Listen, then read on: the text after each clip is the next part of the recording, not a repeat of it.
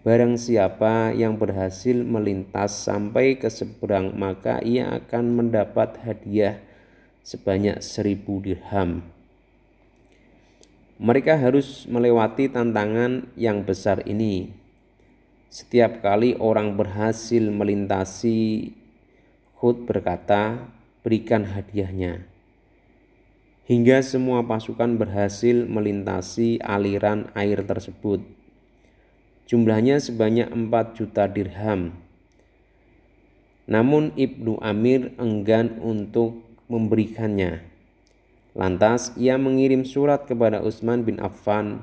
Beliau menjawab, "Berikanlah uangnya karena ia telah membantu kaum muslimin yang sedang berada di jalan Allah." Mulai hari itu dinamakanlah hadiah untuk dengan nama hadiah penyeberangan lembah. Islam dan Jihad Utsman bin Affan